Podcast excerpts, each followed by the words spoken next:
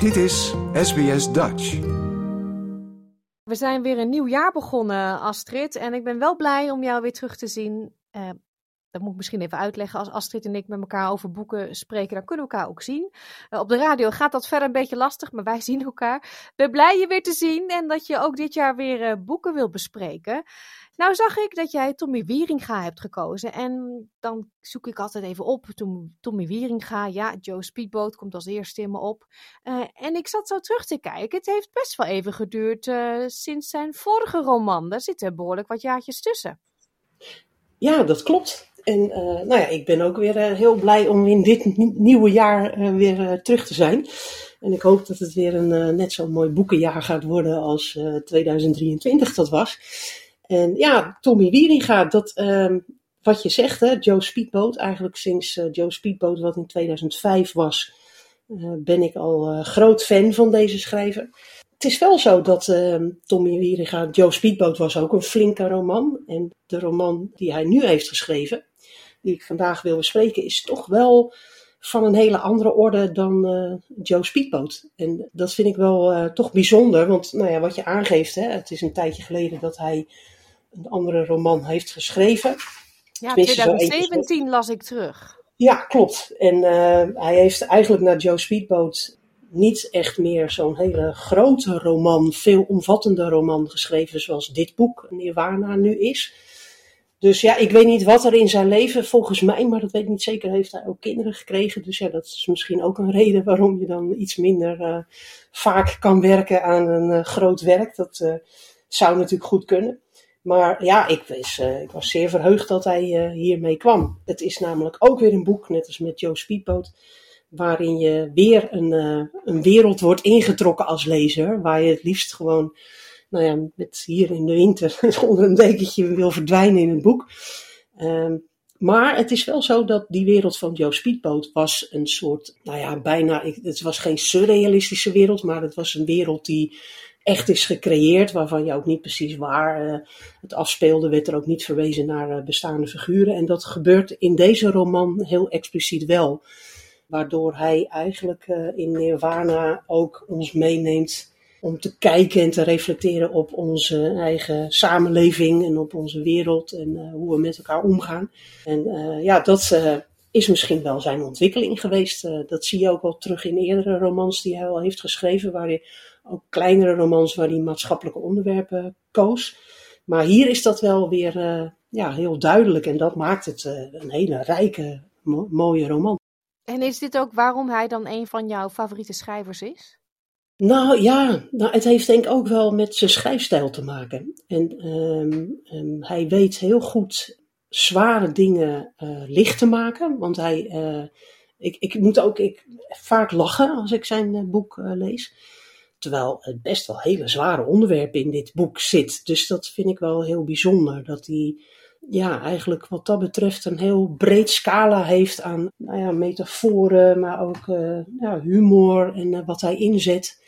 En uh, ja, dat maakt het heel fijn als lezer. Je wordt echt wel entertained als je.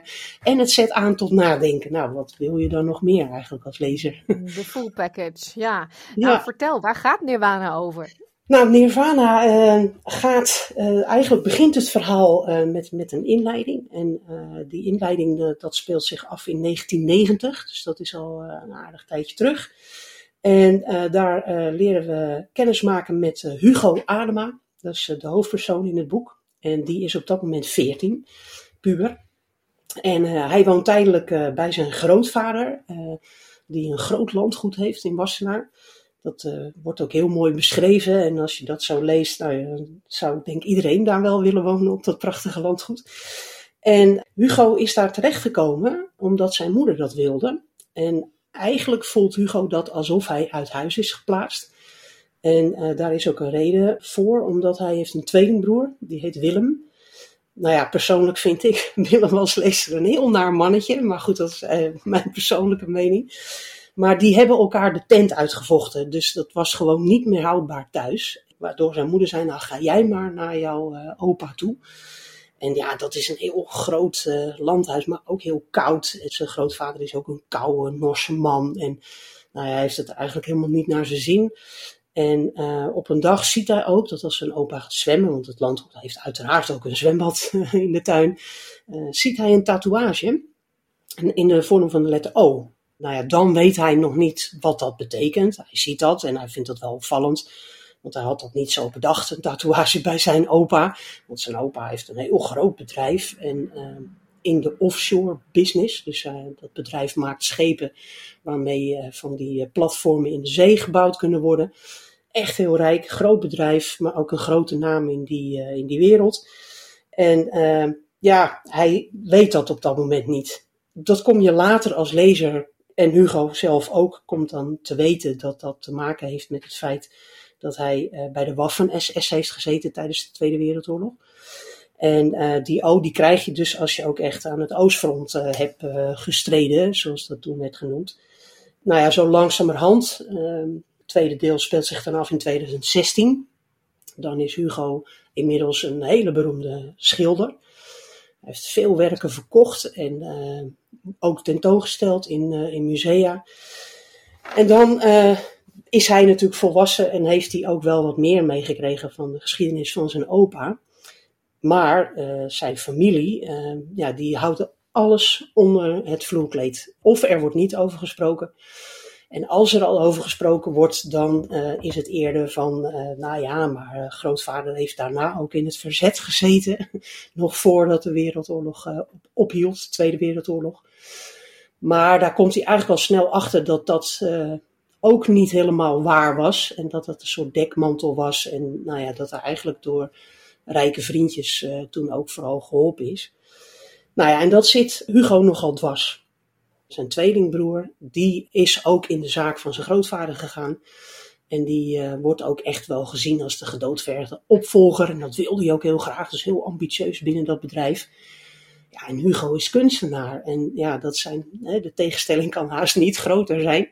Vandaar dat ze nog steeds lijnrecht tegenover elkaar staan. Nou ja, zijn broer Willem die houdt dat allemaal netjes in stand, hè, die familiemythe en dat zijn grootvader een held was. Terwijl hij juist steeds meer het gevoel krijgt van ja, maar dit klopt niet, dit mag niet, dit kan niet. Iemand die zo fout is geweest in de oorlog en dan nu zo hè, uitermate rijk en, en uh, een leven heeft alsof er niks gebeurd is. Dus dat wringt bij hem.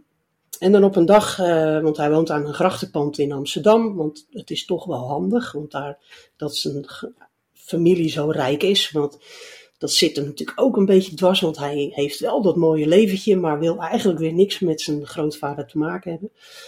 Maar op een dag, en dat vind ik echt heel bijzonder, dat heb ik nog nooit in een boek eigenlijk meegemaakt, komt hij Tommy Wieringa tegen. Komt dus, uh, Hugo komt in het boek de schrijver Tommy Wieringa tegen. En uh, nou ja, dat fragment wil ik graag even voorlezen. Ik ben benieuwd.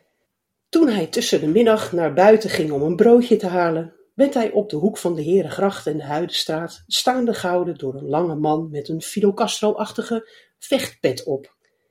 Meneer Adema, vroeg de man, een vijftiger met wallen onder zijn ogen. Zijn gezicht kwam hem vaag bekend voor. Ja, zei Hugo, en hij boog zijn bovenlichaam een beetje voorover alsof hij haast had. Een houding die hij had aangeleerd sinds hij vaak door onbekenden werd aangesproken. Wat een geweldig toeval dat ik u zie, zei de man. Ik zit daar onderzoek te doen naar uw grootvader bij het NIOT. Hij wees achter zich waar zich een eindje verderop het Nederlands Instituut voor Oorlogsdocumentatie bevond. Afgemeten, zei Hugo. Dat is inderdaad toevallig. Tommy Wieringa, zei de man en hij stak zijn hand uit. Aangenaam. Aha, zei Hugo, ten teken dat hij wist wie hij voor zich had, en schudde hem de hand. Hij hield verborgen dat zijn naam een steek bij hem teweegbracht. Lois, haar benen onder zich gevouwen in een luie stoel op het slaapkamerterras op hun huis op Ibiza, met haar neus in zijn roman. Ze had het boek gekocht na een lezing. Ze lachte soms hardop onder het lezen. Hij had het uit haar handen gepakt en doorgebladerd. Voorin zag hij dat het was gesigneerd. Voor Lois, iemands muze, had de auteur op de Franse titelpagina geschreven, vergezeld van plaats, datum en een zwierige handtekening. Hoe weet hij dat? had Hugo gevraagd. En Lois de opdracht voorgehouden. Misschien schrijft hij dat wel voor alle vrouwen, zei ze. en stak haar hand uit om haar boek terug te vragen. Nu, zo'n tien jaar later, stond hij opeens tegenover hem. Wieringa zei: Ik heb de hele ochtend over hem zitten lezen. Ik doe onderzoek bij het NIOD en nu ontmoet ik hier zijn kleinzoon. Dat is echt. Als je het opschrijft, gelooft niemand het. De schrijver schuwde het cliché niet, zoveel was zeker. Hugo vroeg: Waarom doet u onderzoek naar hem, als ik vragen mag? Ik schrijf over hem, zei Wieringa. Of beter, dat wil ik. Ik ben nog niet zo ver. Ik weet nog niet zoveel. Een heel interessant figuur, uw grootvader. Volstrekt dubbelzinnig. Mag ik u uitnodigen voor een kop koffie? Of voor een lunch? Ik wilde juist gaan lunchen. Hugo schudde zijn hoofd. Ontelbaar keren was hij geïnterviewd, maar altijd over zijn werk. Over zijn familie sprak hij niet met buitenstaanders. Zijn broer, de huidige president-directeur van Adema Marine Operations, gaf hoogst zelden interviews. Zijn vader en grootvader waren er nog minder happig op geweest. Ze kwamen niet op televisie en hielden afstand van de social events van de rijken. Hij wist dat zijn grootvader zich in het verre verleden had laten interviewen in Tros Actua. En dat hij wel eens was opgedoken in het Stan Huygensjournaal in de Telegraaf. Maar dat was het wel zo'n beetje. De schrijver glimlachte teleurgesteld. Ik heb uw vader ook al een interviewverzoek gestuurd. Niets teruggehoord, helaas. Ook al schrijf ik fictie, ik onderzoek eerst de feiten. Die zijn vaak interessanter dan alles wat ik kan verzinnen, begrijpt u? Trouwens, vierde hij gisteren niet zijn verjaardag, zijn honderdste? Hugo knikte. Van de trivia was de man in elk geval goed op de hoogte. Hoe is hij? vroeg Wieringa. Is hij nog helemaal bij? Laten we het hierbij laten, zei Hugo. Sorry, zei de ander een beetje geschrokken. Ik begrijp het. Hij stak zijn hand uit ten afscheid en zei toen: Kent u het dossier? Wat daar bij het NIOD ligt? Hugo schudde zijn hoofd. Mag ik u het laten zien? Het ligt allemaal klaar. Het is echt heel interessant. Hugo wist dat in het NIOD, dat maar een paar huizen verwijderd was van het zijne, veel over het oorlogsverleden van zijn grootvader te vinden moest zijn. Maar hij was er nooit binnengegaan. Hij had genoegen genomen met artikelen en trivia die hij op het web gevonden had. De afgronden van een archief boezemden hem angst in. Ik heb wel even, hoorde hij zichzelf zeggen. Nou, en dan uh, gaat Hugo, uh, die toch deze bijzondere schrijver heeft ontmoet, die uh, duikt zelf ook in, in dat archief dat daar in het Nield ligt. Komt dan weer meer te weten dan dat hij eigenlijk al wist. En hij weet op dat moment ook wat Tommy Wieringa dan weet. En dat stelt hem enigszins uh, toch wel gerust, want Wieringa die geeft ook aan van ja, er zouden ook dagboeken moeten zijn, maar ja, waar die zijn weet niemand. Verderop in het verhaal komen die, en dat is allemaal heel toevallig, uh, worden die eigenlijk in de schoot geworpen van uh, Hugo. En ehm, hij gaat al die dagboeken die zijn grootvader heeft geschreven, net vanaf voor de Tweede Wereldoorlog en tijdens de Tweede Wereldoorlog, die gaat dat lezen. Nou, dan krijgt hij nog meer uh, afschuw eigenlijk van zijn grootvader. Als hij leest uh, hoe die eigenlijk in die oorlog zat en wat voor gedachten hij had, die eigenlijk heel, heel duidelijk fascistisch waren. Dus hij besluit om daar een, uh, een reeks schilderijen over te gaan maken, waar dus al heel snel al interesse blijkt om die ook in een groot museum te gaan tentoonstellen. Nou ja, en dan is het eigenlijk de vraag, maar dat ga ik natuurlijk nu niet verklappen, want daar moeten de, boeken, de mensen het boek zelf gaan lezen van wat dat natuurlijk teweeg gaat brengen bij die familie. Want nou, die schilderijen die uh, laten weinig te raden over eigenlijk. Van wat hij allemaal gaat schilderen. En dat is natuurlijk allemaal gebaseerd op die dagboeken. Ja, en dat is natuurlijk, uh, ja, wat, wat gebeurt er dan? Hè? Hoe komt dat dan toch uh, in, in, in de wereld terecht? Ja, en dat maakt het boek spannend. En tegelijkertijd, want het boek is nogal dik, het is 481 pagina's kom je Zo. daar niet heel snel, maar dat doet uh, Tommy Wieringa heel mooi. Hij haalt er een aantal verhaallijnen bij van personen, bijvoorbeeld Lois. Lois is uh, de vriendin van Hugo, fotograaf ook. Waardoor je vaak ook beschouwingen over kunst krijgt en, en hoe beelden ontstaan en wat het verschil is tussen fotografie en, en schilderen, schilderijen. Maar je krijgt ook het verhaal mee van een gouvernante die uh, Tommy vroeger had. en dat is een hele bijzondere vrouw en die ontmoet hij ook weer. En dat is een aparte verhaallijn. Maar die weet hij ook heel bijzonder aan het eind allemaal de touwtjes bij elkaar te knopen. Dus ja, dat is echt smullen als lezer als je het boek leest. En ja, dus je kan daar lekker in hangen in dat prachtige, rijke verhaal. Ja, het klinkt erg leuk dat een schrijver dus inderdaad schrijft en zichzelf in zijn boek schrijft. Ja, het is een soort cameo noemen ze dat bij films, hè. Maar ja, eh, het is niet eventjes dat hij voorbij komt uh, in het beeld zoals in de film. Maar hij uh, geeft zichzelf, want later komt hij ook nog terug hoor. Want dit is pas de eerste ontmoeting. Maar ook dat ga ik niet verklappen. Maar nee, hij heeft zichzelf heel duidelijk gepositioneerd in dit boek. En dat vind ik ook, ja, grappig, maar het is ook functioneel. Dus het, ik, ik vind het echt, ja, het is een, uh, een vondst en ik, ik heb ervan genoten. Wachten waard. Zeker. Wil je nog meer soortgelijke verhalen?